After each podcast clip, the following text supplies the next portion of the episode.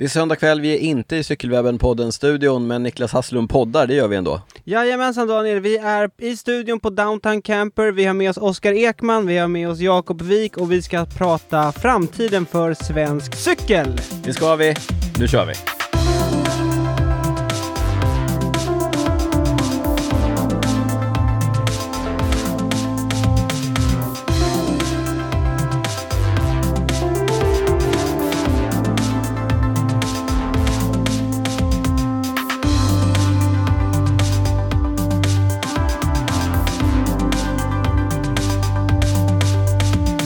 Varmt välkomna till avsnitt 108 av Cykelwebben-podden med mig Daniel Rytz och med dig Niklas Hasslum. 108!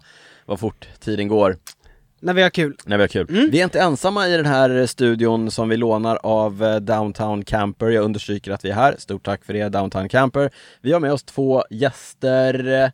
Ni ser, ni ser oerhört nervösa och sammanbitna ut. Ja, Vi eh, säger varmt välkomna till Oskar Ekman och Jakob Wik som är, är han den första som Var- får vara med två gånger, den första gästen? nej, Sara Penton har varit Ja, med men massa hon är gånger. inte ordinarie avsnitt. Nej, bonus. Ja, Just det. så ja. Jakob har tjatat in sig. Ja.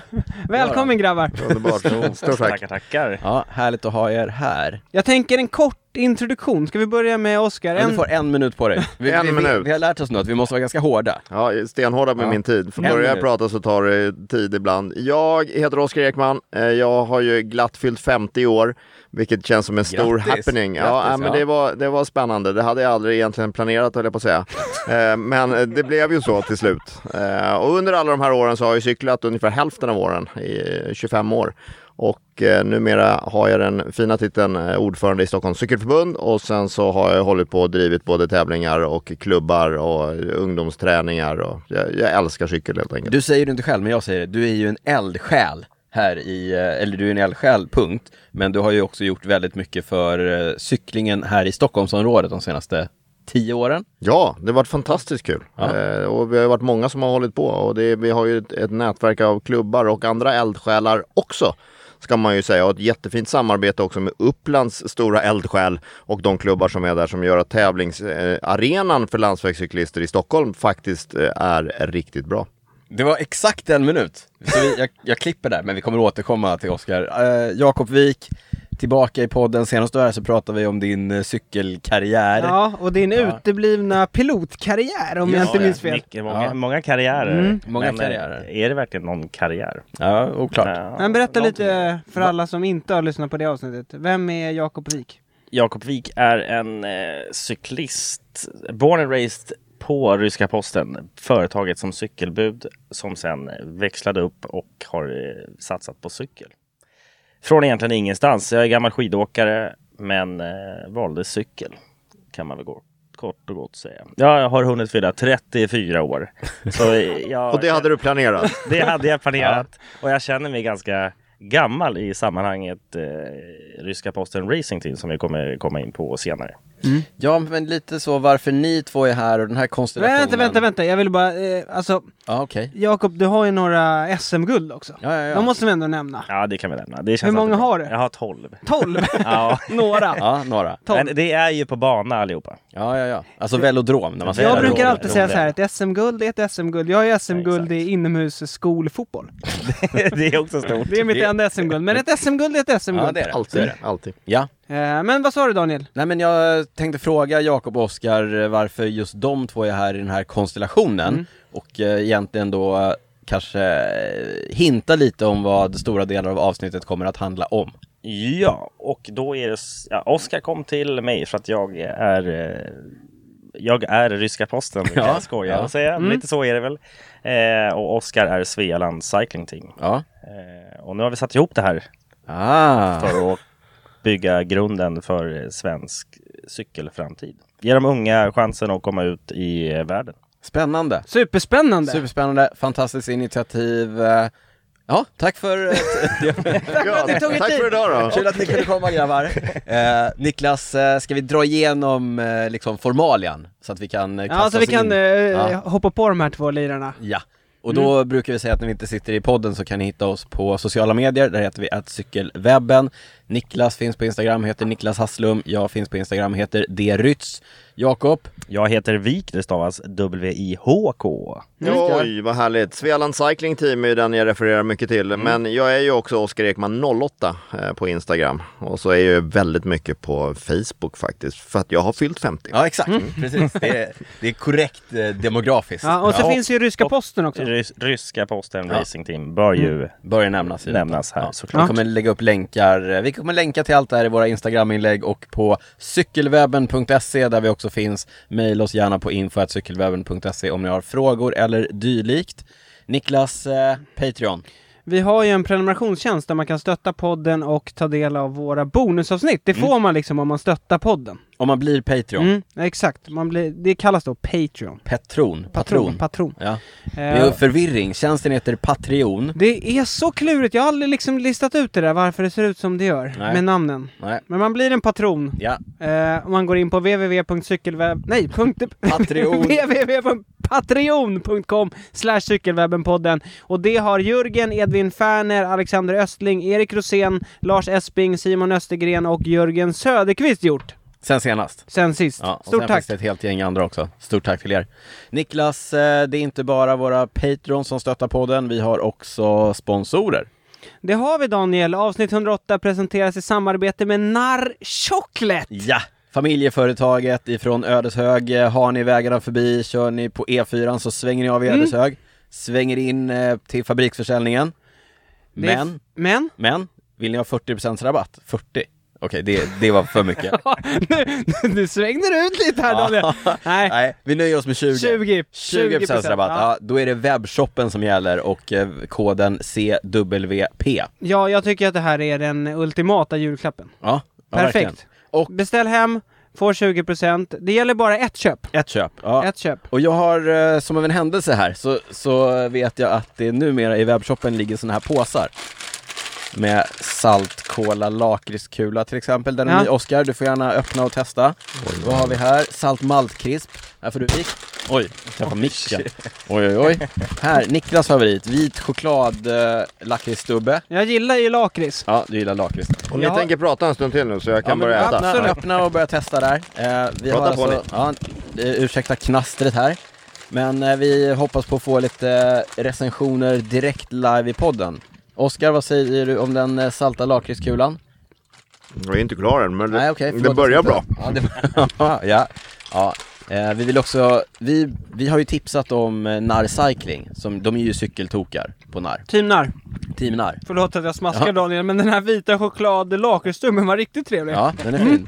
Eh, Den var stor också. ja, den är, My- mycket choklad för mycket pengarna. Bara börjat. Ja, precis. Ja, eh, Narr Cycling kommer köra Vätternrundan eh, på under åtta timmar är målet. Vi eh, tipsar om att söka dit. Vi kan nu tipsa om att eh, det behöver ni inte göra längre. Fullt med cyklister. Det blev sånt Mm. söktryck Niklas. Ja, det är väl kul. Det kändes som ett klockrent upplägg, hela Narr, eh, Team Narr-grejen. Ja, Jakob, vad tyckte du var maltkrispen? Mycket bra. Mycket jag bra. har inte käkat så mycket middag så det, det var väldigt Ja men bra, du kan ha den här under tiden. Ja. Du kan ta den där. Är du klar med lakritskulan eh, Och Oskar? jättegod, jättegod. Ja, ni hör. Ni hör, gå in, eh, de här påsarna finns i webbshoppen. Mm. Jag tror det är köp fem, betala för fyra. Och så eh, 20% rabatt på det med koden CWP. Men jag har ju tipsat om det här, den perfekta julklappsgrejen Ja. också. Man köper hem och sen ger man dem på förmiddagen. Liksom som en julklapp till de man ska ha, liksom, vara med hela dagen. Och sen får man dem att öppna det här. Okej, Och sen så äter man själv. smart. Mm, jag vet. Du Niklas, eh, jag vill bara skicka en, eller vi, hela podden skickar en eh, varm eh, krya på dig hälsning till Roger på Narr. Han har eh, opererat sig för diskbråck. Trist. Eh, ja det är trist men eh, vi hoppas att det går bra. Men det är långt han- kvar till Vättern. Exakt, så att han eh, är tillbaka på cykeln eh, i tid för Vättern. Stort tack till Nare som är med och sponsrar Cykelwebben-podden. Avsnitt 108 presenteras också i samarbete med IT-konsultbolaget B3. B3 Consulting. Japp, de har ju varit med förut i podden. Ja. Då körde vi annonser och det blev faktiskt så att eh, de anställde en av våra lyssnare. Så numera har vi en kille på insidan. Ja, vi har infiltrerat även B3. Ja, så nu har vi Edvin på insidan och då tänker jag då är det perfekt att höra hur det faktiskt är på B3. Så vi lämnar över till Edin. Det har slagits av väldigt tidigt och liksom konkret är ju att um, man, det är en väldigt öppen stämning kring olika personlighetstyper och den här grundläggande känslan känner jag att man verkligen får vara vem man är. Liksom. Man får vara sig själv. Och um, för mig handlar det mycket om cykling där, eftersom jag gillar cykling, men, men eh, det är väldigt mycket olika som händer här och man får verkligen bejaka sina intressen här. Förra veckan så var jag och kollade på ett seminarium här som en, en eh, hade om eh, analoga syntar, Moog-syntar. Och så sen så har jag några kollegor som har eh, hållit på med stickning, som har haft stickcafé. Och det är ju ganska vitt skilda eh, intressen och det talar lite för att eh, det är liksom högt i tak här. Ja men det hör ju Daniel, det finns ju, det finns ju plats för alla på B3. Ja, Eh, oavsett hobby, oavsett om du gillar att träna eller om du gillar att sticka. oavsett personlighetstyp. Ja. Men det är också så att det finns ju liksom eh, plats för dig eh, oavsett vad du har för kompetens Just in, inom IT. Ja, Jag tänker att det är ändå IT de du ska på syssla med. med. Ja. Exakt, ja. De har ju massa olika bolag Mm, på precis. B3. Ja. Och Edvin jobbar på ett av de här bolagen. Vi skickar tillbaka till Edvin. Ja, eh, B3 Init är ju ett lite mindre bolag här med drygt, tror jag, drygt 40 anställda är vi, som sysslar mycket med eh, open source-utveckling. Eller open source-utveckling, men vi använder oss mycket av open source-programvara i våra dagliga verk. Det är lite uppdelat mellan folk som jobbar med det vi kallar för DevOps och uppdelat med, mellan det och eh, utveckling, alltså ren programmering kan man säga. Open source känner jag kanske inte är min grej. Alltså, Nej. jag, jag, jag har ju en data när jag, Jag jobbar. kan avslöja att när vi var och intervjuade Edvin på B3-kontoret så såg Niklas ut som lite av en fågelholk. Jag känner ju mig mer, jag är mer bekväm med de här, när man svänger sig med IT-termer så att säga. Ja, Ja, nej men eh, jag tänker så här. Ni Ja. som har koll på IT, alltså mer koll än vad jag har, gå in på bli.b3.se om ni är sugna på att byta arbetsplats, kolla vad som finns för roller där och eh, ta det därifrån. ta det därifrån, Sveriges cykligaste eh, IT-konsulter. Tack. Det, det vågar vi säga. Det vågar vi säga. Det vågar vi Ja. verkligen säga. Tack B3. Tack. Ja men eh, vi kan ju inte helt gå ifrån att det här är en eh, cykelpodd som pratar om vad som händer ute i den stora cykelvärlden. Just nu är det mest cykelcross. Eh, Jag vet inte, Oskar, eh, Jakob, är ni stora på crossen? Ja, lite stora är vi. Ja. Inte jättestora, men i Stockholm har vi en fantastiskt välfungerande cykelcross-scen och haft länge. Jag skulle nog säga när jag kom in i Stockholms cykelförbund så var cykelcrossgrenen den som var mest framträdande faktiskt och där vi hade både sponsorer som hjälpte till och arrangerade mycket tävlingar varje vecka. Och numera har vi ju faktiskt också en UCI-klassad eh, dubbeltävling. Dubbelhelg. Just Ja, det. ja, en enkelhelg men en dubbel... Ja, Ja, en ja, dubbel- jag, förstår hur du tänker. ja. En du, ja, enkel- dubbla dagar, dubbla Ja, race Precis. Den har vi pratat om i Täby. i Täby. Ja, du var Men För övrigt så vill jag bara säga, där vann ju Zoe Bäckstedt. Just det. Vi återkommer till Ja, henne här alldeles ja, strax. Precis, där var du speaker Oskar. Jakob, Ja. eh, Nej, jag, jag, du kör inte så mycket cross. Nej, jag gjorde något tappert försök men insåg att Det här var inte för mig. det här var inte för mig. Man Exakt. måste känna sina begränsningar. Ja, Men cykelcross är ju en fantastisk, en fantastisk träningsform. Ja, alltså, det- enorm, den är stenhård. Mm. Det är bland det hårdaste jag har gjort på cykel, eller de få gånger som jag själv har tävlat på cykelcross. Ja, det är ju grisigt jobbigt. Ja. Och grisigt eh, och kallt och det var lite det allt. Rekommenderas. Kallt. Kallt och lerigt och så behöver inte Kallt grisigt. Nej, man skulle kunna åka till Belgien och köra, då känns det lite varmare. Mm. Men jag, jag skulle vilja säga att Stockholm har en ganska bra cykelcross-scen. Men i Sverige och antalet deltagare, det känns som att jag droppar lite grann, eller? Ja, vi pratade om det senast när vi pratade om eh, de eh, svenska mästerskapen. Mm, det var riktigt Det var- skralt på startlinjen. Var det åtta, åtta, Åtta herrar. Åtta Och det är lite herrar. konstigt för att egentligen om man tittar på där jag kommer ifrån då, myllan med ungdomsträning och mountainbike så är det här en perfekt tävlingsgren för ungdomar. Jag skulle tycka att man kunde köra cykelcross-liknande tävlingar året runt. Mm. Och speciellt för de som börjar tävla. Mountainbike har ju en liten, det är en liten hördel. För mountainbike där samlas du i en startfålla och sen åker du rakt in i skogen. Ja. Och Sen är du sju år annan. gammal då, Ja, det är ju inte, nej men det är ju inte, man är inte askaxig. Nej. Så att just cykelcross, du kan ju i princip göra banor där du hela tiden är visuellt. Exakt. Och, På en gammal galoppbana till exempel. till exempel Som- så. som- Men jag skulle rekommendera hela Cykelsverige att arrangera mer cykelcross lokalt för sina ungdomar, eller ja, för Ja. alla dem. Men där slipper man ju också kanske bråka med Trafikverket. Definitivt. Mm. Man ska vara kompis med en markägare Ja. är väl egentligen grundtipset. Ja. Ja. Men sen är det ju ganska skön träningsform för att det är liksom allt, man, man är ju inne i sitt liksom. Men det är ju folk runt omkring på banan så att det är ändå, som ni säger, ja ni Det händer alltid med, någonting. Ja, precis. Ja. Ja, det är superskoj. Ju Mm. sjukt jobbigt. Ja. Alltså det är ju Är det därför bra. du inte kör eller? Eh, nej, det vill jag inte påstå. Eh, Det blir sällan spurt. Precis. det blir sällan spurt, exakt. Kan, man får det- spurta i starten Jakob. Det här, Ja, det får ja det får man. Det här, det är lite bakvänt, man börjar med att spurta. Det här är på den lokala nivån, eh, vi pratar om den större cykelvärlden, jag försöker ta oss vidare. Mm. Det har ju tävlats i cykelcross eh, internationellt de senaste veckorna. Niklas, eh, du har pratat mycket om att eh, cykelcross-säsongen hittills egentligen mest har definierats av en väntan på att de stora Ja, kanonerna... alla fall för mig, och Ja. du har väl också hakat på det lite. Ja, jag har hållit med om det. Ja. Ja. Men vi har snackat framförallt på här sidan att vi har väntat på Wout van Aert, eh, Tom Pidcock och Ja. Mathieu van der Poel, att de ska komma in och börja tävla. Eh, och nu har Tom Pidcock och Wout van Aert börjat tävla. De har gjort entré. Och, eh, alltså, Ja. jag vill inte säga att jag hade rätt, men, men det blev ju lite så som vi förutspådde. Mm. Wout van Aert har kört tre tävlingar, tre vinster. Eh, han är otrolig. Kommentar på det? Men har Pitcock kört oss? Ja, Tom Pidcock är faktiskt men han, han verkar inte alls vara liksom eh, Han var fire and all cylinders. Nej, inte på samma sätt. Mm. Eh, sjua i första, deltävlingen, eller första tävlingen han körde. Idag körde båda två världscup i Val di Sole. Känner till Val di Sole? Du Det- som gammal skidåkare. Ja, jag känner till. Ja. Ja, det, är en, det är en vintersport. Men det, det går väl också en eh, mountainbike Ja, världscup där va? Mm. Men, men det här var alltså en cykelcrossvärldscup som gick på snö Mm. i princip eh, uteslutande, hela banan. Det var en tuff och krävande bana. Ja, Mm. men eh, Wout van Aert vann i alla fall. Det kan man säga att han Mm. gjorde. På damsidan vann eh, fem van Empel, alltså U23-världsmästarinnan. Eh, jag måste bara säga på Pidcock, du frågade om Pidcock, eh, Ja. tredje plats Mm. idag. Så ja, det, pallen. Det tar sig. Ja. Tre- Han bara blir kompis med sin nya cykel kanske. Precis, Ja, som precis. Pinarello, exakt, exakt. Pinarello-crossen där ja. Så, Mm. och eh, det var första världscuptävlingen i år som Eli Iserbit inte var på pallen. Mm. När kanonerna var där. När kanonerna Ja. var där, exakt, vi säger inte mer om det. Och nu har ändå inte Mathieu Nej, gjort exakt. entrén. Ja, precis. Ma- eh, Michael van Turnhout, eh, tvåa tror jag. Michael van Tor. Ja, ja, det stämmer bra. Jag ville bara nämna också där eh, Wout körde ju i Essen. Ja, det var det. ju ingen världscup. Etias cross. Eh, precis, då Mm. vann han på damsidan där. Där vann ju Zoe Bäckstedt, 17 bast. 17 år gammal. Och vann en uh, UCI-tävling. Elit. Ja men det gjorde hon Elit, elit, även i... elit, ja. Oskar, vill du säga Mm. något? Ja, hon, var, hon vann Ja, det var ju UC, båda dagarna faktiskt i Täby och hon vann ju även U6 som är det största loppet vi har i Sverige för eh, ungdomar.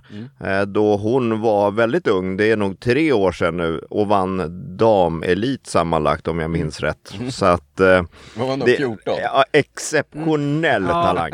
Ja, kanske Jag 15. vill tillägga här att senast jag körde U6 det var nog två år sedan tror jag, kanske tre. Mm. Då på, avslutas ju U6 med ett tempo som är 14 kilometer långt och då tror jag att Zoe var två sekunder bakom mig. Eh, jag säger inte, inte att jag är snabbast i världen. Tempo- Nej, men det, säger ändå någonting. Ja, fantastiskt. Och det var två år sedan och nu är hon 17. Så Exakt. hon var typ 15 då. Ja, Ja. imponerande. Hon är, ju- vann hon VM i tempo? Nej det gjorde hon inte, Nej. hon kom tvåa. Hon vann VM linjet på landsväg, så var det. Eh, just det. Ja, men och det var... där kan man, jag vet inte, är det, är det officiellt och så, nu är det här en podd så nu blir det ju det, men hon hade ju punka alltså på VM. Mm. Ja, ja, ja. Men, men det vet vi va? Ja, Ja. precis. Helt sjukt. Mm. Det var därför hon var så långsam i svängarna, jag fattar inte varför hon inte svängde fortare. Nej, hon har eh, kapacitet kan man ju säga. Det kan man säga att hon eh, har. Mm. Ja, men det var väl det om eh. Ja, vi får be henne byta nationalitet bara. Ja. Mm. Det är inte så svårt det här. Nej. Nej. Okej, eh, innan vi hoppar in i dagens huvudämne, Mm. då måste vi ändå gå in på det här Swift-fusket Daniel. Vi snackade om det senast i vår bonus. Ja, Du skröt senast att du var tia på för, första deltävlingen Andra. i Swift. Jag Andra deltävlingen. Andra deltävlingen. Ja, tia. var tia, men... Överraskade mig själv mer än alla andra tror jag. Ja, det överraskar hela Cykelsverige också Hela tror jag. Cykelsverige. Aldrig fått så mycket gratulationer kring någon Nej. cykelprestation någonsin via diverse sociala Ja. medier. Nu är det så att det finns ett stort men här. ett enormt stort men. typ någon dag efter så var du bortplockad Ja, från... eh, resultatlistan. resultatlistan. Diskad. Ja, okej, berätta. Ja, det visade sig att jag hade fuskat. Jag visste inte om det här. Det var inte ett medvetet fusk så att säga. Men jag har fuskat. Jag erkänner det här nu. Ehm, Jag vill bara säga att sådär låter det liksom alla som åker fast. ja. Ja, jag hade ju ingen aning om att liksom, eller jag förbjud- gjorde Nej, inte... men så här, det, det, jag, det jag gjorde för att fuska visste jag dels inte var ett fusk och jag visste inte att det var otillåtet att göra så. Och det är ganska luddiga regler kring det här. Eh, jag har en dialog nu med liksom eh, Swift-communityn i Sverige eh, kring det här, så jag tänker att vi kanske återkommer. Men det, det, det är ställt bortom varje rimligt tvivel att jag fuskade och att jag är inte riktigt så bra så att jag kunde bli tia. Eh, jag vet inte om jag, jag vet, det kanske hade kunnat bli så ändå. Nä. Ja. Nu har jag kört några race Ja. efteråt. Ja, då har du inte varit tia. Det jag inte har fuskat, Nej. då har jag inte varit tia. Men det har, det har lite grann med annat att göra också. Ja men det har du alltså hela fusket bygger på att du har på något sätt spurtat och sen Ja, frihjulat i backarna liksom. Ja, alltså fusket kallas för sticky watts och det är ingenting som man pratar högt om från Swift, man vill väl inte att folk ska göra det. Och det beror lite grann på vad man har för effektmätare kopplad till Swift. Därför att Swift tolkar signalerna från eh, de här eh, effektmätarna Mm. på lite olika sätt. Men du har spurtat i backen och sen när du frihjular så hänger dina höga Watt, watt kvar. kvar lite liksom. Exakt. Fattar ni? Så man får Sånt några... Man, riktigt fult fusk. Som att sitta på ramen. Ja, eh, Ja, lite så, ja. Nej men man får, man får några gratis sekunder med höga watt som man inte förtjänar. Och så då hinner du återhämta dig, Exakt, liksom. då ska man börja spurta igen och Ja. börja köra igen. Vem, men det är ju ganska liksom overkligt. Det finns ju ingen som kör så på riktigt heller. Nej men exakt, och det är det som är regeln, att man inte får köra på ett Nej. sätt som är overkligt. Nej men då är det fusk. Ja, så då är det Mm. fusk. Men vadå, hur, hur eh, uppdagas det här? Det uppdagas genom att eh, man jämför effektfilen som Swift eh, läser med effektfilen som min eh, eh cykeldator läser. Och då visar det sig att de visar olika eh, effektnivåer.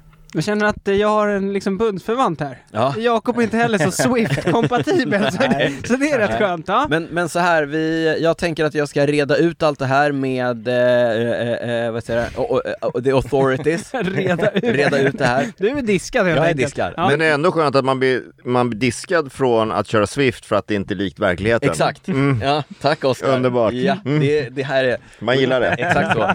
Och det jag har framfört var så här, okej jag fattar, man ska lära sig spelet bra, Mm. men inte för bra.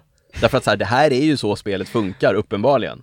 Och jag säger så här, okej, är det upp till mig att inte köra på det sättet som passar mig? Eller är det upp till spelutvecklarna att Följ kanske... reglerna tycker jag. Okej. Men, Jag tycker det är en bra början. Frågan på det här måste ju bli, säg att du lägger in en attack i varje backe. Det är Ja. ungefär samma sak. Ja, det är ju Eller? exakt det. Fast ja, vem det, börjar frihjula när man attackerat? ja, Kanske men man inte blir ju trött. men- Man, man, man Nej, det här löser vi inte idag, tänker Nej, jag. det löser vi inte idag. Nej. Och eh, låt oss istället eh, utnyttja de gäster vi har och prata om det som vi har tänkt prata om. Framtiden, alltså vi lämnar allt det här bakom oss nu. Fra- Fast vi kommer återkomma till det. Framtiden för svensk cykel. Oskar, jag sa det innan, du är ju en eldsjäl och du har lagt ner mycket tid och kraft på att eh, Ja men se till att det finns en eh, tävlingsscen för oss som gillar att eh, tävla här i Stockholmsområdet eh, och även för andra när du har organiserat nationella tävlingar. Men nu är det liksom fokus på, eh, på ett annat sätt att främja cykelsporten.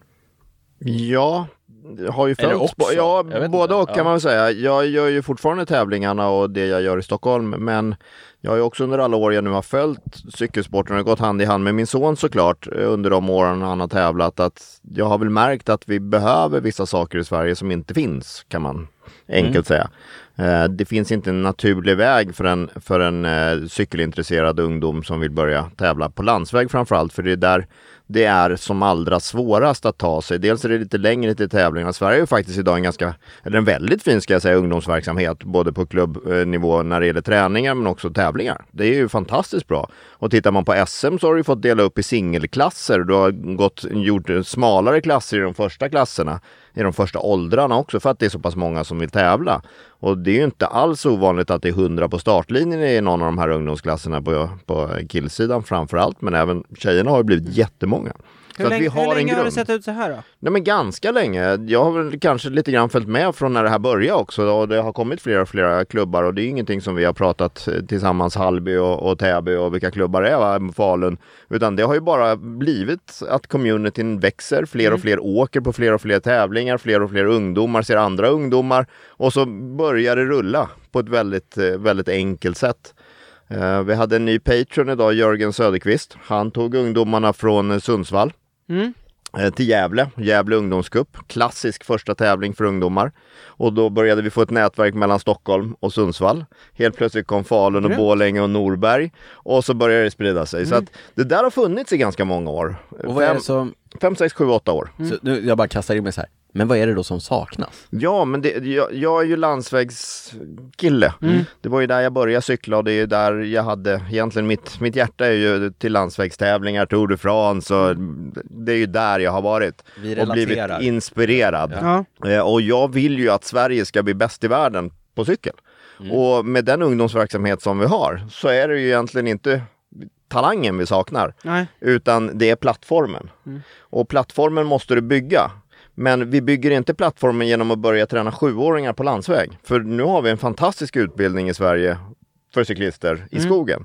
Men när de är runt 14-15, där någonstans, där måste ungdomar komma ut och tävla på riktigt. Ja. Alltså kanske inte köra ett GP-lopp i Stockholm. Du när tänker- det är två andra ungdomar. liksom. De måste Ja. hitta större eh, grupper att tävla med. Och det bästa vi har i Sverige är ju U6. Mm. Fantastiskt stora grupper. Dit kommer de finska, norska, danska cyklisterna och några nationaliteter till. Där har vi det på riktigt. Ja. Så det är ju en fantastisk första tävling om du vill börja se hur det är att vara landsvägscyklist som 14-åring. Mm. Jag tror min son var där när han var 12 första gången. Och det är ju en aha-upplevelse när du kommer dit. I vilken ålder du än är i princip. Ja. Eh, Men sen måste vi ta dem, så att säga. Steg två blir att du ska åka till Danmark och titta på de tävlingarna. Ja. För de har ju ett U6 varje helg i princip. ja. Och hur kommer vi dit då? Vi tar bilen och sen tar man färjan i Helsingborg. Nej, men men, liksom, men det- skämt det- åsido. Det finns, eh, hur många är det som gör det idag liksom? Ja Av- men det är ju hela tiden en handfull och det krävs ju liksom en klubb, någon eldsjäl i en klubb, en förälder som tar med sig tre andra ungdomar, eh, en husbil som åker dit. Och då känner väl jag kanske att det här ska vi försöka streama in lite grann så att vi ska erbjuda det här till de som vill. Och Svealand Cycling Team är då ett projekt där vi söker alla Sveriges cyklister som vill ha råd, hjälp, gemensamt lag, testa att vara i team överhuvudtaget. Ofta när du kör landsväg så är du ensam i din klubb förmodligen som är under 18. Eh, Så att vi får ju cyklister från alla möjliga håll och enormt mycket mountainbike-skolade cyklister, kanske knappt har kört landsväg. Men du, du måste berätta vad Svealand Cycling Team är, för alla som inte vet det. Alltså det började egentligen för, ursäkta, för tre år sedan. Eh, Då, då satte vi ihop det första gången. Då var det 15-16-åringar som vi samlade som åkte till U6 enbart. Men det, var vi från gjorde. Stockholmsklubben? Från, nej, det var ju också, det blev ju lite, då var det nog mer hardcore Svealand tror jag. Det Mm. var lite från Falun och Ja. närområdet. Känner du till Svealand Niklas? Nu så, gör jag det. Så, så att, eh, men, men nu när vi gjorde en omstart på det här, dels så växer ju barnen och så att vi eh, skalade upp Mm. det mot eh, juniorsidan också och öppnade upp för hela Sverige. Och vi vill samla ungdomar som får tävla tillsammans. Och på 15-16 års nivån så handlar det mer om att träffas. Att man är åtta stycken i ett lag. Det är ju, ja, det är ju superhäftigt för alla i alla åldrar och helt plötsligt vara ett cykellag. För det finns liksom inte på den nivån, Nej. eh, framförallt för ungdomarna i Sverige. Så att det var liksom grundtanken. Men sen har vi ju sagt att på juniorsidan, då måste vi försöka ta dem till ganska bra grejer. Då ska vi försöka ta dem, vi skulle ju till Danmark väldigt mycket nästa år, eller förra året, eller i år. Ja. Eh, Men det var ju svårt. Det blev ju i princip ingenting i Danmark. Eh, Så att Nej. då fick vi börja sikta lite längre bort. Och då blev det ju Frankrike och Spanien och, och Schweiz. Och det blev Paris-Roubaix bland annat. Paris-Roubaix bland annat Mm. och Norge, Tour de Fjälls, fantastiskt lopp. Så att det, det, vi bygger ju lite där vi står hela tiden. Ja. Det ska helt ärligt säga. Planen är att det ska bli massor med svenska proffs i slutändan. Det Jag gillar vi ju. Ja men vi vill Alltså, se svenskar i Tour de France. vill liksom. ja. Precis. Giro Rosa, Tour de France för tjejer. Vi vill liksom ha ut de här. Ja. Och vi är inte sämre på att cykla än vad någon annan är. Nej. De svenska ungdomarna är lika bra.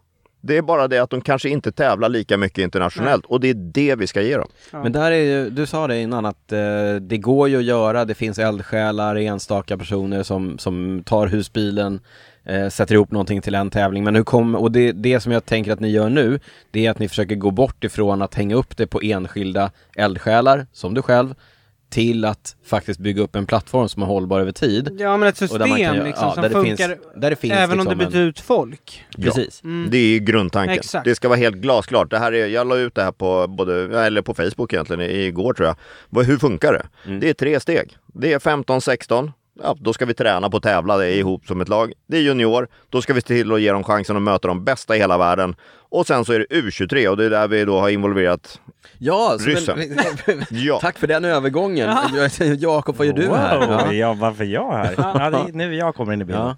Vilket Nej, är otroligt kul. Och det Nej, är, men, ja. För vi pratar om att komma ut i Europa och ni med liksom ganska små medel ändå får man säga. Ni är ju, Ryska Posten är väl egentligen det laget i Sverige som har varit mest eh, aktiva utomlands de senaste åren. Det får man nog lov att säga, Ja. ja. Alltså ni har varit i eh, Kina, ni har varit i Marocko. Ja, eller Kina med... Ja, det var ju Ja, det var något faktiskt... annat. Det Ja, var men inte du var där i alla fall. Jag var där, det var Ja kul men för Marocko mig. och massa olika Ja, ställen. men ja, till exempel Marocko. Mm. Eh, vi har ju startat i våra säsonger i Frankrike Mm. varje år. Eh, I februari liksom, bara för att komma igång tidigt. Sen Ja. var vi i Belgien en månad och racea och ja, vi har ju varit runt eh, otroligt mycket.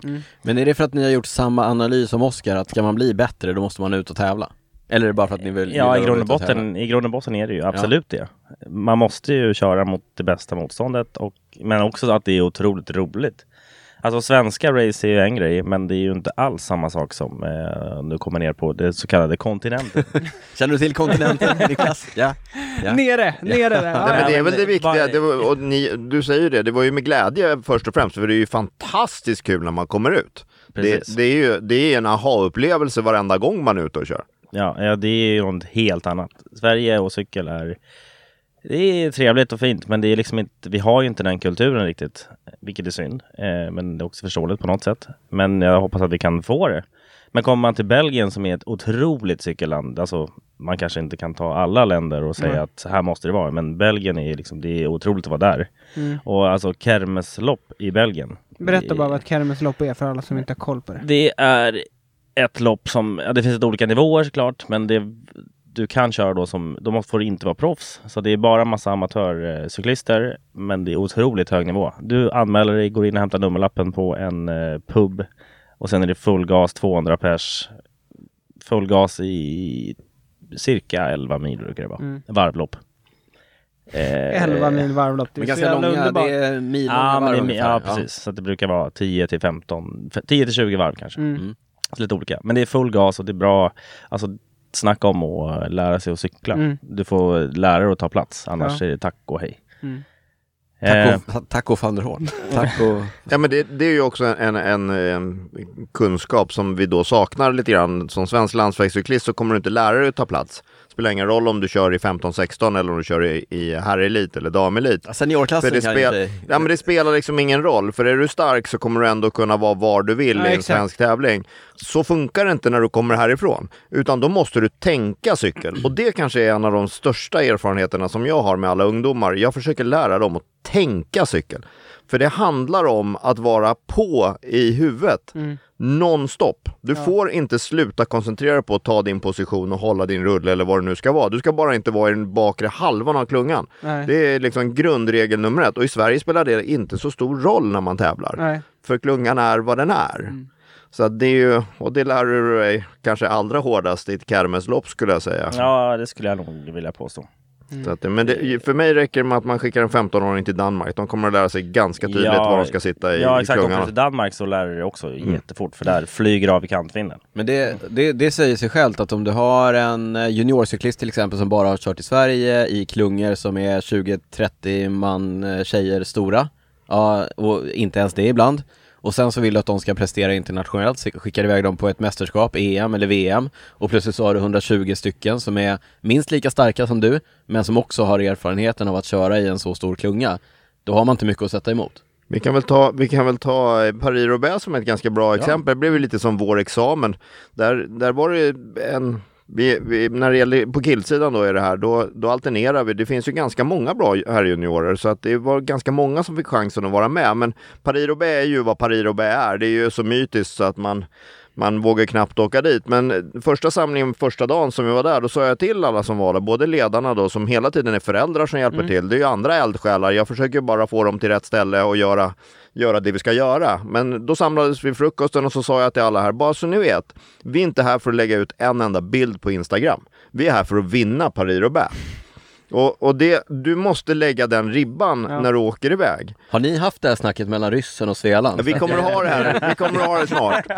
Men, men kontentan var ju, vinna. och vad hände med de här sex killarna som åkte dit? Ja, men de taggade igång stenhårt, vi var ute och reka banan i två dagar. Sen när vi är på starten, då sa jag så här, vi värmer inte upp, det regnade, det var fruktansvärt. Jag skickade ut dem först och de kom tillbaka och frös och tyckte livet var vidrigt verkligen. Då sa jag, åk bara ställ er längst fram i startfållan. För då har ni liksom första milen gratis. Mm. Och så stod de där, väntade på att de andra skulle komma. Mm. Och och bara det gjorde att de satt när pavé, det var tre och en halv mil till första pavésträckan om jag minns rätt. Eh, Då satt alla där uppe. Sen Mm. hade vi oflytt som alla har på Paris-Roubaix, Mm. alla punkar ju och, och liksom saker går sönder. Mm. Men de hade gjort exakt det de behövde göra för att ge sig själv chansen att leverera ett resultat. Mm.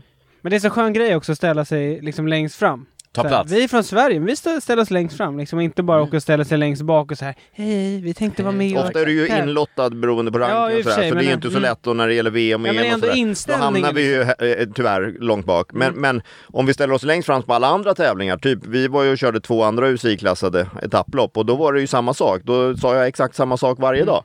Vad ni än gör, var först in. Ställ er längst fram. De stod längst fram Mm. nästan varje dag. Ta de fördelarna man kan ta. Ja, och då kan man ju det. Och då helt plötsligt fick vi resultat och då helt plötsligt kanske vi kan börja klättra på rankingen och behöver inte ens stå längst bak. Nej. När, vi, när det blir EM. Uppåtgående spiral. Ja, men nu måste vi höra lite om den här satsningen med eh, Svealand Cycling Team och ryska Posten Racing Team. Eh, berätta Jakob.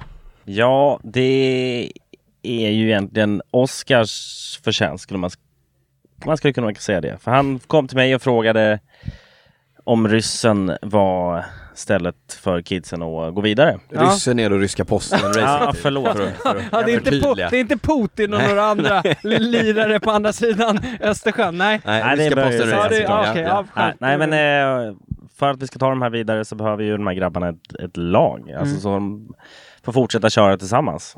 Eh, och då kändes, ja, jag tror Oskar får säga själv vad han eh, tänkte men vi är från Stockholm, eh, vi finns här och eh, Ryska Posten är då eh, ändå ett lag som ändå har under några år satsat ganska friskt. Så vi har ändå möjligheten att göra det och ta in eh, ett helt gäng nya unga cyklister. Mm. Och du kände direkt så här, ett helt gäng uppdragare. Nu, nu ska det vinna spurter.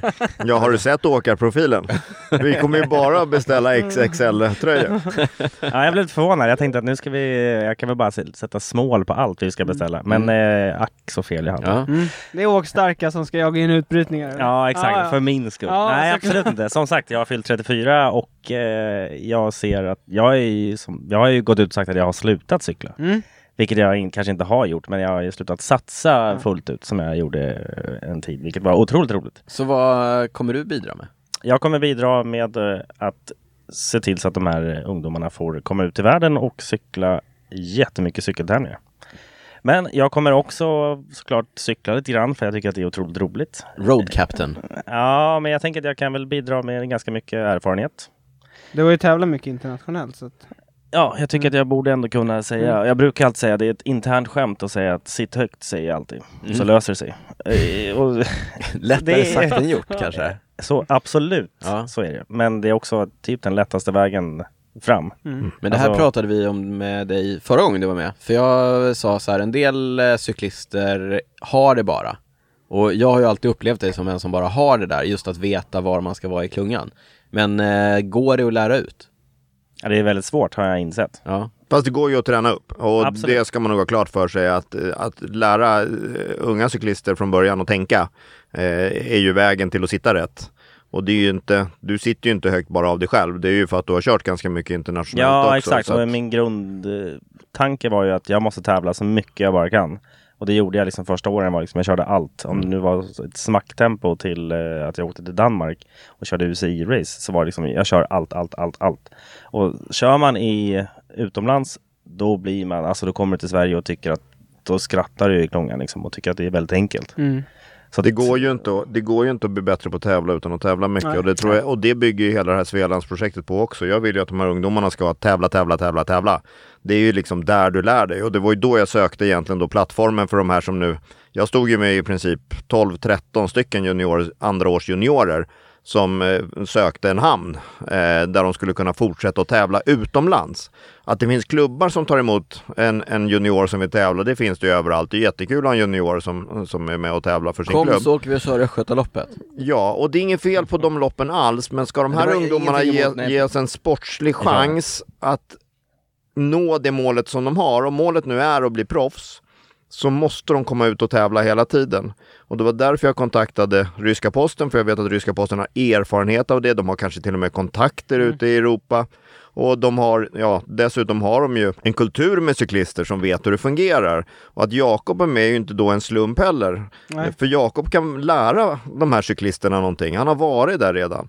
Så att det, här, det, det kändes som en bra match. Jag letar fortfarande efter en riktigt bra match för tjejerna. Nu är tjejerna inte 12-13 per åldersgrupp som kommer upp, utan det kanske är 2-3. Så det är en liten annan dynamik i det och det är lite svårare att skapa ett lag med de första två, tre som vi har tagit fram eh, ur Svealandsprojektet. Men jag jobbar med det. Om det är någon som har något bra eh, förslag på det får ni jättegärna kontakta mig för att eh, jag är jättemån om att det är både tjejer och killar som vi ska ge samma plattform. Det, Mm. det är bara det att tjejerna är så många färre. Ja. Så att i princip de som är med i juniorsatsningen i år, det är ju de som är med i landslaget också på något sätt. Så att det blir ju lite, det är lite tuffare. På tjejsidan har vi dessutom, och även nu i ryssen, så har vi faktiskt cyklister som inte är, är svensklicensierade, eh, som är, utan som är från Finland och Danmark. Hörrni, rent, rent praktiskt, vilken flagg kommer ni liksom att eh, tävla under? Det är en bra fråga, eller det, den har vi ju svaret på. Ja. Och, och, men tanken också med ryska posten är ju att de här ungdomarna ska få tävla ihop på hemmaplan också. Eh, och det finns ju inget ställe som är bättre att lära sig taktik, attacker, sitta utbrytningar, jobba ner utbrytningar än i Sverige då. För det här är det då lite annan form av tävling än vad vi har när vi kommer ut. Så då står ryska posten för det svenska tävlandet. Här har vi ett eh, lag med genomsnittsålder 19. Eh, alltså om vi, då, Och så då lite tar vi bort ytterligheterna då. då. Vi vill Eh, också flika in här att Jeppe 77 eh, Jag är äldre. Han är tio år äldre än vad du är. är född 77 Ja, född 77. och han är med Ja. till exempel. Så, men, Ja, det är inte bara 19-åringar. Nej, Men vi har, vi har åtminstone ja, ett väldigt med det sagt vill är också att bredden är positiv. Ja. Mm. Men kontentan blir då, de tävlar här, ryssen, eh, de har svarta snygga kläder på sig. Sen åker vi utomlands, då heter vi Svealand. Konceptet Svealand ska finnas från 15 år och uppåt och redan nu så är vi ju, idag är vi med, nu är det söndag så är det för sent nu på tisdag, men just nu röstas det om de 32 bästa juniorlagen i Europa och där är Svealand Cycling Team ett av de Jaha. 32. Och det tycker jag är superhäftigt. Bara att vi är där är ju en framgång på ett sätt, även om jag tycker att jag siktar ju, eller vi siktar ju enormt mycket högre än att vara med bland de 32 och bli utröstad i första omgången. Eh, Vilket vi ser ut att bli då. 38 38-62 är rösterna nu mot det brittiska laget. Men det är ändå ett svenskt lag som är med. Ja, med men- Ja. Och då kan man ju avslöja, för sånt här är ju inte hemligt heller, att, att en av de nya följarna vi fick idag, han är teammanager i UAE till exempel. Så att det är ju liksom bara att vi är här ute. Då börjar man liksom, Ja, och är vi på en UCI-tävling i Schweiz, det är ju inte bara andra cyklister och cykelmanagers där, det är ju scouter där också. Mm. Alltså, det, vi, alltså vi som måste- kungen. Ja, det också. inte den typen av scout. Nej, utan riktiga scouter. Talangscouter, jag fattar. inte, inte sjöscouter, inte Låt i Schweiz. Inte, nej. Nej, det vet jag inte. Det finns ju sjöar där. Det gör det. Men, men ni kommer ändå köra liksom senior, alltså det är elit? Vi kör elit. Ingen junior? Ja, det, fin- Nej. nej. det finns ju ingen U23-klass Nej. renodlad i Sverige idag. Det kanske skulle kunna bli så om ett par år att vi har ett eget U23-SM till exempel. Det är en ganska mm, rimlig tro faktiskt med tanke på hur många cyklister som kommer upp nu. Hörni, rent, eh, alla kommer ha eh, två kit då i princip, så att eh, tävlar man utomlands då är det Svealands eh, gulblå kit. Ja, snygga tycker jag. Ja. Riktigt snygga. Det får du stå för. Ja, jag vet. Eh, De är inte spräckliga i alla fall. eh, och inhemskt då ryssens eh, Exakt. Stjärna. Stjärna, exakt. Mm. Svarta. Stjärna på ryggen, svarta och röda. Men du, det finns ju en eh, tredje, ett tredje kit som många av de här cyklisterna också är aktuella för. Jag tänker många av de här som ni har dammsugit upp är ju också landslagsaktuella. Hur kommer det liksom, eh, hur förhåller ni er till landslaget? Eh, kommer det vara, eh, ja, är det öppna spjäll mellan här? Alltså Svealand Cycling Team som då har bas i Stockholms cykelförbund eh, har ju hela tiden en dialog med Svenska cykelförbundet och det här är ju ett komplement till vad Svenska cykelförbundet gör eh, med landslaget och eh, en, en fråga vi inte har varit inne på här än det är ju såklart att det finns en väldigt stor fråga i det här och det är ekonomi. Eh, jag tror att hela Cykelsverige gärna skulle skicka ut så mycket cyklister det bara gick. Men man ska veta att varje lopp man åker på kostar någonstans mellan 60 och 80 000 kronor. Eh, Och det kanske en resa inte är jättemycket, men tänk då om vi har tre ålderskategorier, tjejer och killar i båda, och man vill att de ska göra 5, 10 och 20 lopp var. Då kan man räkna lite snabbt i huvudet att man kommer upp till 70 resor. Det är väl fem millar då, va? kommer jag rätt då? Mm. Så att, Kolla inte på mig! nej, nej. Men vad, vad, jag försöker säga, vad jag försöker säga är då att det här är ju en ekonomisk fråga till stor del.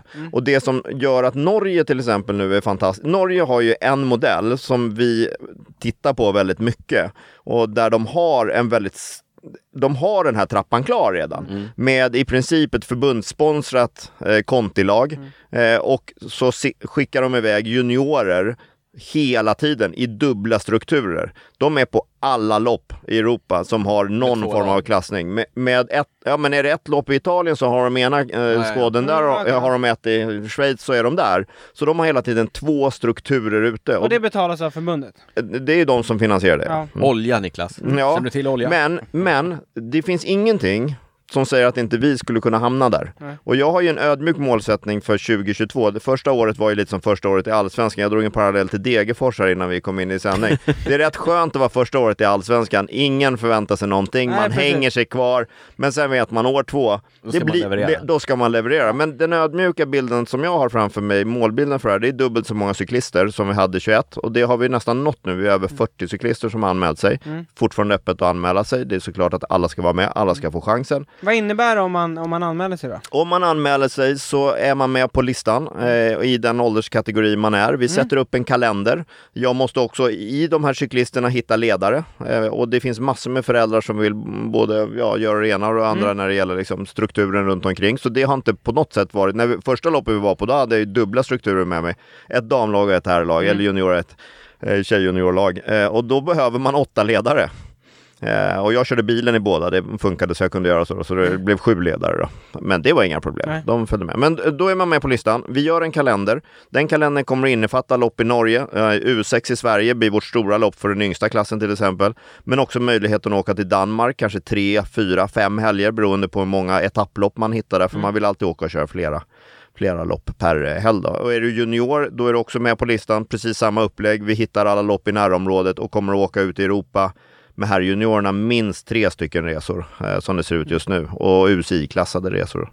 Men vem som helst kan skriva upp sig? Alla, är... alla kan skriva upp sig. När det gäller att åka till Paris-Roubaix så är det såklart att det finns ett system där man vill ha de som ska köra Mm. Paris-Roubaix som ska vara där. Vi gör ju varken cyklisterna rättvisa eller Svensk Cykel rättvisa Nej, eller de andra cyklisterna i laget om vi tar ut någon ja, som kanske inte eh, hänger med de första. Vi hade ju 52 i snitt efter de första tre kilometrarna och då var det ett GP-lopp kan jag säga. Eh, så att det, går, det går ju undan. Ja. Så, men vi ska erbjuda alla cyklister möjlighet att vara med i laget. Det är jätteviktigt och där blir också ekonomin viktig. Där är det så viktigt att vi har en ekonomisk bas så att vi inte tvingas säga till cyklister att de ska betala för mycket pengar. Många cyklister skulle gärna betala de här 5000 var som det kostar att åka till Paris-Roubaix, men det är inte alla. Nej. Och vi kan inte bygga svensk cykel på att de som har råd att åka på de här resorna får åka på resorna. Och därför blir ekonomin så viktig. Och det är så tråkigt att sitta och säga det, men det hänger så mycket på pengarna. Ja men det, det, herregud, det har jag sagt sen uh, Israel Startup Nation eh, gick från ingenting till eh, World Tour på tre år. Ja. Det är ju bara pengar. Ja, det är en väldigt stor faktor. Men jag tror vi, bygg, vi bygger lite där vi står. Och eh, man kan tycka att jag är, är någon form av nestor i svensk cykel eller Stockholms cykel eller vad man ska kalla det för. Jag har ju inte den erfarenheten heller. Jag bygger ju erfarenhet på det här också. Jag hade ju inte stått på startlinjen i ett UCI-lopp för ett år sedan. Men jag räckte rakt upp handen om någon frågade om jag vill åka. Alltså det, det är bara att vi drar. Det är bara att göra det. Så tänker jag. Nu kommer jag lite av mig för du frågade fler saker. Ja, jag har till och med glömt bort vad jag ja, ja, men det känns Men- skönt. Nej, men det, var- där- det var ju det här med vem som, eh, eller ja, dels du pekar på Jakob, men jag, jag var ju så här, vem, vem kan anmäla sig? Ja, liksom, det. vilka kan vara med? Och det är i stort sett vem som helst. Alla ungdomar som vill Ja. får chansen att Alla vara ungdomar med. som vill. Så att Och, alla som... och inte så ungdomar. Nej, Jag pekar på ja, ja, men Svealand... Sve, Svealand upp till juniorålder, där är, där är allt, allting öppet. När det gäller ryska posten, där har vi satt ett tak på 10. mm. Eh, hur många är det nu då? Eh, Vi är väl nio, Nio. va? Mm. Chans! Så, Ja. Så vi behöver någon som kan sitta långt fram i klungan. Daniel Rytz. Jag tänker att någon, någon måste ha koll på att de inte är för långt bak. Nej, men- Jag känner att det är mitt jobb. Ja, du, och du menar att du sitter alltid längst bak? Ja, exakt. Ja, jag Ja. förstår. Jag är lite av en... Nej, men eh, jag, jag tror så här att det, det är inte, när, det, det blir ju inte heller rättvist att plocka in, nu har vi ju U23-laget, det är nio stycken eh, i, i, i ryssen. Ja. Eh, Ett U23-lag som ska ut och tävla i Europa kommer ofta vara begränsade på hur många som får stå på startlinjen vilket gör att vi kan inte ha 18 U23 för vi har inga dubbla strukturer och dubbla bilar och dubbla sportdirektörer som vi också ska komma in på att vi kanske har en liten Ja, surpris på sportdirektörssidan faktiskt som vi skulle Men kunna där, droppa. där kommer ju också det ekonomiska in i bilden. Ja, verkligen. Det är ju, alltså det är klart man vill ha dubbla lag och skicka Ja. folk till höger och vänster. Men det är ju snordyrt. Ja. Så att eh, vi behöver ju ha sponsorer. Men om, om så här, det, det är klart alla fattar att ekonomin spelar stor roll, men vad är målsättningen för 2022 då? För båda de här projekten? Ja, Börja med ryssen. Liksom, vad, eller vad är en liksom realistisk målsättning? Vad Ja, men jag, jag tror att målsä- målsättningen idag är ju att vi ska få ut så många cyklit- cyklister som möjligt på så många tävlingar som möjligt. Det är liksom den enkla målsättningen. Med den målsättningen så kommer, när vi var i Spanien till exempel och tävlade, vi hade ju ingen aning, det var första gången vi skulle köra på UCI-nivå, sex stycken killar där, hälften är dessutom första års juniorer. Och vi står tillsammans med 120, då, då var det ju lagtempo första dagen. Vilken, vilk- ja men vilken glädje för ett svenskt lag att komma ner och jag hade ju inte ens fattat det för allt var ju på spanska. Det Du har var inte fattat att det var lagtempo. lagtempo? Nej, det tog ju väldigt, det var någon vecka kvar innan jag hajade att det var ett lagtempo. Och jag hade ju så här huvudvärk på hur jag skulle få ner tempocyklarna, men jag är ju rookie också. Eh, så, och där kom vi ju fyra. Vi, de fick åka över mållinjen och de ropade ju då på spanska, men jag kan ju lite spanska i alla fall, så jag hörde att det var mejor tiempo, det hörde jag i högtalarna liksom, så det var den bästa tiden när de kom i mål. Så de fick sitta liksom i heta stolen en liten stund, och bara det var ju stort. Men sen dagen efter då, då sa alla, Åh, vi är så nervösa, vi är så nervösa, men åk längst fram bara, det är inga problem liksom. Och så efter den första dagen på linjet, som gick skapligt, eh, så då släppte det bara. Då tävlar de. Och helt plötsligt sista dagen, jag har en video på det, jag funderar på om jag skulle lägga ut den. Den kanske ligger på våran Youtube förresten. Eh, men, men där jag gratulerar dem efter loppet och säger, alltså de gjorde taktiskt, den sista dagen var briljant. De gjorde allt taktiskt rätt. Precis allting. Och det gick åt pipsvängen resultatmässigt. Ja. Och de var så arga. Och det var ändå liksom UCI-klassat etapplopp och, och jag försökte berätta hur stolt jag var över dem och de satt ju nästan och bad mig vara tyst. De Ändå, gjorde ju det. ändå roligt att komma ner med, med förutsättningen att så här, vi har ingen aning om vad vi ska göra här. Jaha, det var lagtempo. Att- Ja men så här, Till att lagtempo sitta och vara sura sen då. över att man inte har presterat. Ja. Ja men det är visar väl lite att det En finns resa. där. Någonstans finns ju liksom Ja, ja, ja. den mentala bilden. Det är bara att visa vad de, att alla kan göra det här. Ja. Vad tänker du då Jakob? Inför 2022? Ja, nu tappar jag nästan bort mig här, men jag... Det är nästa Det- år. Ja, det är nästa år. Det är vi Vad ska ryssen göra? Vad är ditt mål men det, Jakob? var- det Oskar var inne på i Svealand, att vi, grunden är att vi vill få ut så många unga cyklister som möjligt ut och tävla. Det är ju grunden. Men eh, i då ryska posten, sammanhanget för ryska posten blir ju att vi ska liksom sätta ihop dem och hålla dem som ett lag. Mm. Och att de ska verkligen få lagkänslan och jobba som ett lag. Det blir väl snarare våran uppgift. Mm. Och sen att jag och Oskar sinsemellan och Svealand och ryska posten kommer ha ett eh, jobba tillsammans för att få ut dem. Det är ju grunden skulle jag säga. Mm. Så att eh, vi ska slipa på eh, lagfeeling och eh, kriga tillsammans och sen se till så att alla får chansen att komma ut utanför Sverige och tävla så mycket det bara går. Kan du inte bara dra de nio namnen som är med? Det kan vi göra. Jag Ja. kan också tycka att det, det kommer bli lite kul för Cykelsverige här, för det blir ju som att ryssen återuppstår lite grann. Eh, Förra året var det en tre ryssar kanske som var ute och körde elit. Nu kommer vi kanske till och med vara liksom 13 ryssar på start första loppet. Vi kan nog vara ännu fler Ja. skulle jag säga. Alltså, Så- vi, alltså, Så Ja, att ja. Motala, Hymer och Giro, de kommer få sällskap i utbrytningarna. Ja, Det är vi, kommer, tanken. alltså, vi kan ju vara SM, jag tänker att vi kan nog vara 20 pers på start. Nej, vi får se. Då Det är finns det plats. Då finns det plats. Men också, ska också tilläggas att, eh, som Oskar också var inne på tidigare, att många av de här cyklar ju, kommer ju från mountainbike och så vidare. Och Så att många av de nya yngre kör ju mountainbike, de kör allt. Alltså, det kommer synas ryssar eh, överallt. Ja. Mm. Och det Och vi har ju på, när det gäller SM eh, för juniorer 2021 så var det ju två mountainbike-cyklister med på pallen. Eh, båda de två eh, är ju med oss. Ja men vi vill ha namn nu. Eh, nej, men Ja, det ja, kan vi ja, nog ja, inte riktigt ge alla namn. Eh, för alla är inte avslöjade faktiskt. Men i stort sett... I stort sett eh, alla. Nu är det lite söndag. spänt i studion här. Jag tror, jag, bara, jag tror det blir ett Det är bara han namn. på pallen i uh, här junior som Tisdag är kvar. Så du tänker att vi har hunnit vi. få ut det? Ja, det har vi. Ja, det, ska du- han kommer ut imorgon. Ska du läsa upp namnen Jakob? Ja, jag ska se här om jag hittar... eh, Vi kan väl göra så här. För eh, tvåa på SM var väl Rasmus Kjell, Falucyklisten, eh, här Ja. junior. Och trea var Joel Varén på linje-SM. Två stycken renodlade mountainbikecyklister får man säga väldigt länge. Jag har blivit avställd av Joel på landsväg också. så Det är... Det många här som har blivit avställda av tror jag. oj, oj, oj, Ja, oj, men oj. till Ja. Kalle Kagevi Kalle till Kagevi, exempel. ja.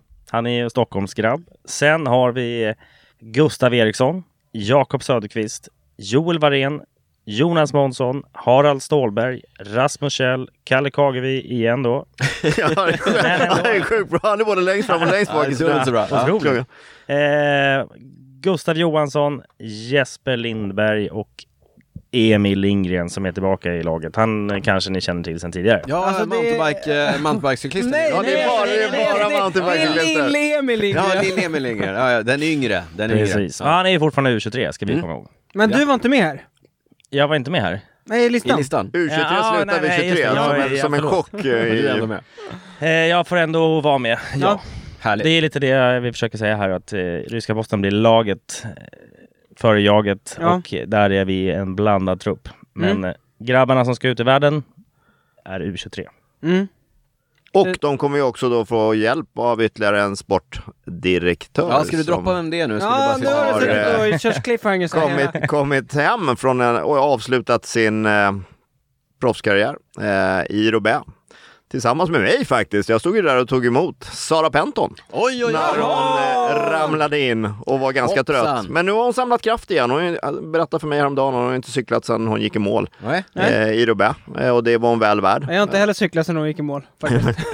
Men, men nu är hon med Mm, och nu ska hon dela med sig av all sin erfarenhet. Vad roligt. Eh, Och vi har haft ett par jättebra möten här innan och det är ju fantastiskt att få en röst inifrån proffslivet och som dessutom är precis helt färsk. Mm. Eh, Det är, nej, f- jätteglad att hon vill vara med och hjälpa till. Superkul och jag kan inte tänka mig ett bättre sätt att börja wrappa upp det här avsnittet. Jag bara hoppar in där jag får chansen. Men vi måste börja knyta ihop säcken eh, på avsnitt 108. Eh, stort tack, alltså vi är inte klara riktigt än, men eh, så länge. Tack Jakob, tack Oskar. Jag tänkte smyga in ett litet, litet prylsvep. Jaha. Det låter jättekul verkligen. Ja, okej. Det är inte bara Oj, jag oj, som eh, ty Boom. tycker si och sådär om prylsvep. Nej, jag märker det. Ja, ja, ja, ja, bra, där fick ni till det. Ja, det är inte ett eh, prylsvep i vanlig mening utan det är lite en hälsning från våra vänner på Trek och eh, Bontrager, Niklas. Ja. Vad har... Eh... Nej men så här är det, Trek brukar eh, varje år utse en cykel till årets eh, cykel Alltså en cykel i deras lineup. i deras Typ lineup. en mountainbike eller en trek. Ja, de brukar kanske vara lite mer specifika än att bara säga en mountainbike. Ja, ja men jag tänkte Ja. någon i deras lineup. Ja, ja, så, ja, Mm. jo men precis. Men i år så har de istället valt en cykel som inte är en Trek-cykel utan en Buffalo Bike, känner du till Buffalo Bike? Nej, berätta. Det är inte en cykel med jättestora höga däck. Nej. Det var en referens till Buffalo skor, Mm. om det var någon som inte förstod det. Ja, men utan... ja. Nej. Ja, lite tråkigt, men ändå lite kul faktiskt. Nej, Buffalo Bike är en eh, cykel som är, eh, som organisationen World Bicycle Relief står bakom. Det är en väldigt basic cykel, men det är en cykel som hjälper människor i eh, underutvecklade länder att eh, överbrygga problem i vardagen som beror på långa avstånd. På så sätt så kan man öka sin eh, självständighet och Ah. blomstra. Okej, Ja. så man kan använda cykeln menar du? Ja, Ja, precis. mm. Att, att transportera sig och så vidare. Ja. Sedan eh, World Bicycle Relief grundades eh, 2005 har över 600 000 cyklar överlämnats till människor i bland annat Zambia, Kenya, Colombia och Zimbabwe. De har gjort livet eh, lättare och bättre för otaliga människor med sitt arbete. Deras mission är att fortsätta hjälpa människor att bli mobilare och mer oberoende genom cyklar. Och nu undrar du Niklas, vad kan jag göra Ja, för att hur hjälpa kan jag till liksom här? eh, bli, eh, liksom öka på den här Ja. siffran på 600 000? Ja men precis, du kan gå in på Treks svenska hemsida och där kan man skänka pengar och för alla pengar som man skänker fram till nyår så matchar Trek den eh, donationen. Jaha, okej. Ja, och då kan man välja själv, Snyggt. men en Buffalo Bike kostar 1440 kronor så känner man sig riktigt generös eller så kan man ju skänka hälften. 720? Bra Niklas, imponerande! Ja, då, då blir det en hel cykel, Ja. för Trek matchar eh, andra halvan. Vi lägger upp länk till eh, det på cykelwebben.se och eh, tackar eh, Trek för att de är kompisar till Cykelwebben-podden. Det var inte ett så vanligt prylsvep. Det var mer ett välgörenhetsprylsvep. Det var nästan World- det finaste prylsvepet Tack, jag har. Ja, jag sitter och tårögd där. Ja, World Bicycle Ja, men Relief ju och. Buffalo Bikes och eh, Trek är naturligtvis en partner till World Bicycle Relief. Ja men det var veckans eh, lite annorlunda prylsvep. Ja. Men innan vi wrappar upp, Mm. innan vi eh, pratar om vad vi inte kunde släppa så tänkte jag ge ordet till de här två grabbarna och kanske om ni har någonting ni vill skicka med till lyssnarna? Man kan väl tänka så här lite grann, hur, precis som ni säger här, hur kan jag hjälpa till här? Hur kan jag hjälpa Trek i den här satsningen? Ja, vad kan man göra? Det är såklart att vi behöver ekonomiskt stöd, men vi behöver också kunna nå många människor. Det är inget dumt att man följer oss på de sociala medierna. Det är inget dumt att man kommenterar, ja, glatt eller om man nu tycker att saker är konstigt. Eh, Det är också väldigt viktigt för Svensk Cykel att varje gång media tar upp någonting i Svensk Cykel, ibland är det ju till och med ett litet reportage på eh, ja, Stats-TV, att man klickar in på det och tittar på det. Ser till att vi styr trafiken till all media som uppmärksammar cykel. Det är så enkelt att vi tillsammans kan skapa intresse och efterfrågan eh, i cykelmarknaden eller cykelbranschen. Oskar försöker hacka algoritmen här i Ja, nej, men jag, jag tror att det är liksom, man sitter och tycker att det kommer aldrig hända något och vad är det här? Och, nej, men sen kan man ju ta ekonomiskt, du är väldigt duktig på att räkna Niklas. Eh, om, om, eh, om tusen personer ger 100 kronor var till ett cykelprojekt, då täcker det rätt mycket faktiskt. Så att 10 man, 000 kronor. man behöver inte, det, blir mer än tusen kronor i alla fall. Men kontentan är att kan vi alla hjälpas åt lite grann, både kanske företag, både privatpersoner och bara genom att klicka eller likea eller rösta som det nu var frågan om i, idag på, på Instagram. Det är så lite man behöver göra för att det ska bli så otroligt mycket bra. Har ni hört uttrycket många bäckar små? Det har vi Daniel. Ja. Det gäller här också. Mm. Ja. Men om man nu är, sitter på ett företag, man vill... eh, Vart hör man av sig? Ja precis, exakt så. Då är ju Oskar Ekman bra att prata med. Mm. Eh, helt klart så. Hur når vi dig? Eh, jag finns ju i princip överallt eh, på alla sociala... Men det är verkligen, om man, om man googlar Oskar Ekman cykel så hittar man mig på sociala medier. Klockrent, hör av er till Oskar Ekman. Finns på Facebook, över 50. Alla över 50 via Facebook, sen de som är några år yngre de tar via Instagram. Ja. Jakob Norman på Instagram, har du någonting du vill skicka med lyssnarna innan vi går vidare? Ja, men det som Oskar är inne på är ju just det, det ekonomiska. Men vi, då ska väl sägas att vi har en liten fundraising-plan. Ja det finns en och den kommer förmodligen också vara publicerad när vi släpper det här för den är Precis. klar. Jag har skrivit texten, jag har gjort filmen och allting ligger där liksom. Han är, Oskar har alltid svaren. Jag känner mig... Ja, vad Ja, ska det jag måste vara säga? skönt för dig Ja, det är jätteskönt. Du kan bara luta dig tillbaka och Ja. cykla och ta alla de här unga cyklisterna Ja, och vi ska- under dina, det, det låter som en Vingar. fantastisk kombo. verkligen. Jag tror att det kan bli sjukt bra. Och jag kommer cykla, men jag kommer också sätta mig i bilen om det eh, behövs. Eller, ja. Mm. Jag gör vad som helst för att de här kidsen ska få ha otroligt kul framför allt. Men också få tävla ordentligt mycket. Härligt. Ja, vi ser naturligtvis mycket fram emot att följa det. Jag tänker följa det på sista parkett. Alltså jag sitter längst bak i klungan. Ja, okej. Kolla, kolla, hur det, kolla hur det går för er. Mm. Se till så att... I vilken eh, och- tröja? Va? Ja det, det får vi se, det får vi se. Men och du vet, och kommer de ner dit, då skickar jag upp dem igen. Ja, det är bra. Då skickar jag upp dem igen. Jag kan, jag kan gå ut på utsidan, kör, kör fram dem där. Spurtar, frihjular, spurtar, frihjular. Använder mina sticky watts för att ta fram dem längst fram watts. i klungan. Ja. ja.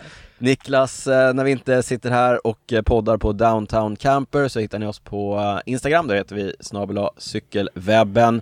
Jag heter D. Rytz, du heter Niklas Hasslum. Ni har redan fått prata så mycket så det blir inget mer om det.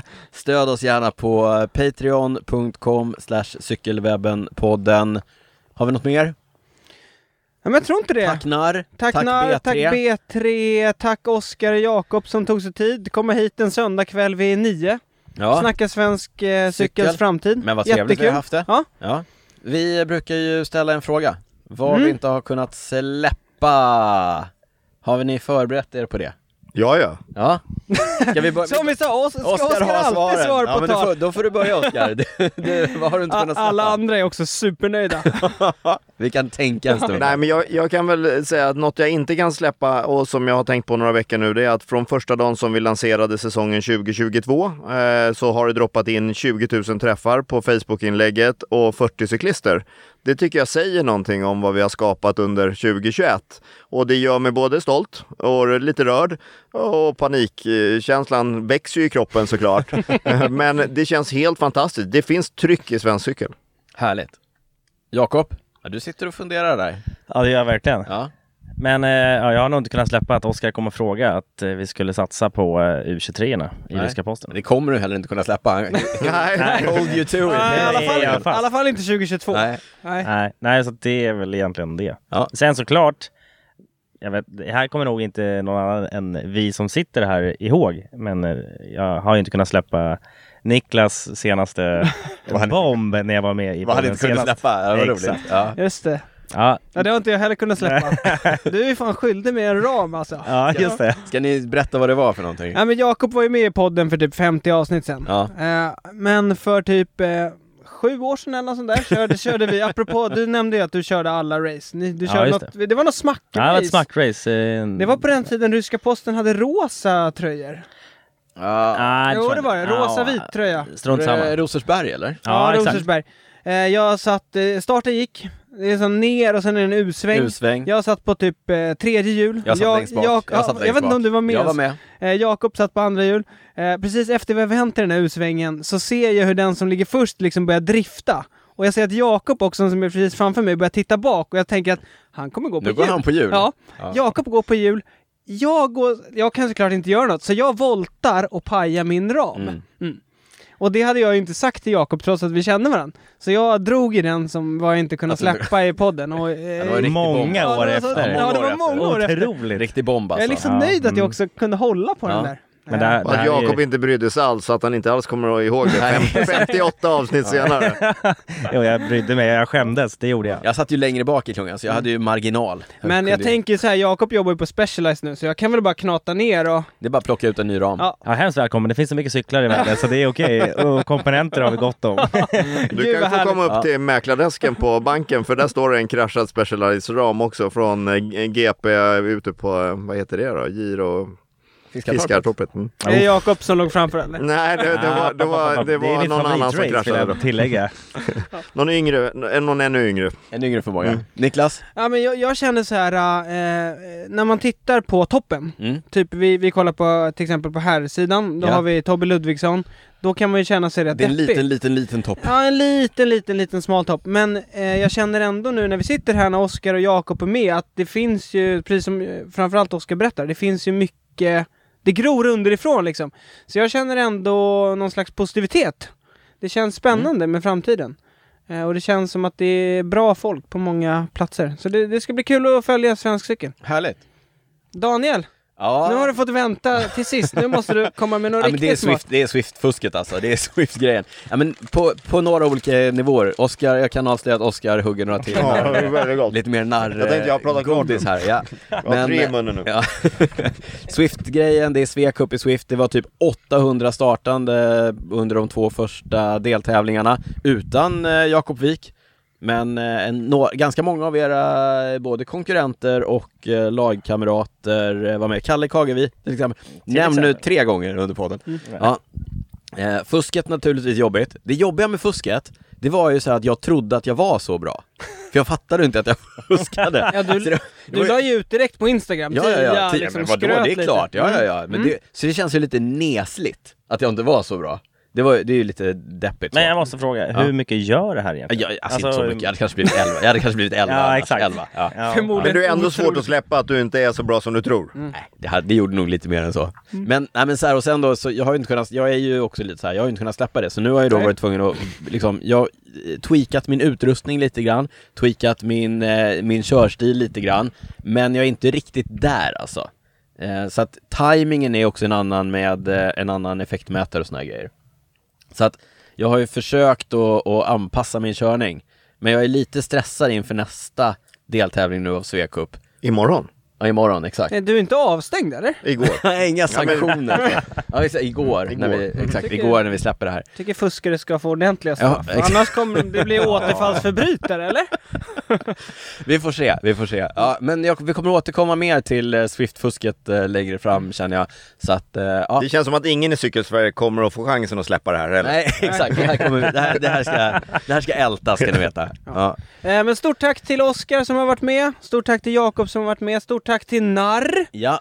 och B3 B3. och Trek. Och glöm inte att gå in och kolla cykelwebben.se för att se hur ni kan eh, bidra till att eh, folk i eh, andra, i, i länder som inte är så välbeställda eller har samma förutsättningar också kan eh, göra sina liv bättre med cyklar. På en lite mer basal nivå kanske, än på det sättet som vi gör våra liv bättre med cyklar. Nog om det. Stort tack för avsnitt 108. Vi hörs snart och eh, ni är ju trogna lyssnare av podden, så ni vet vad vi brukar säga när vi avslutar. Ciao, ciao! Ciao, ciao! Ciao, ciao! ciao!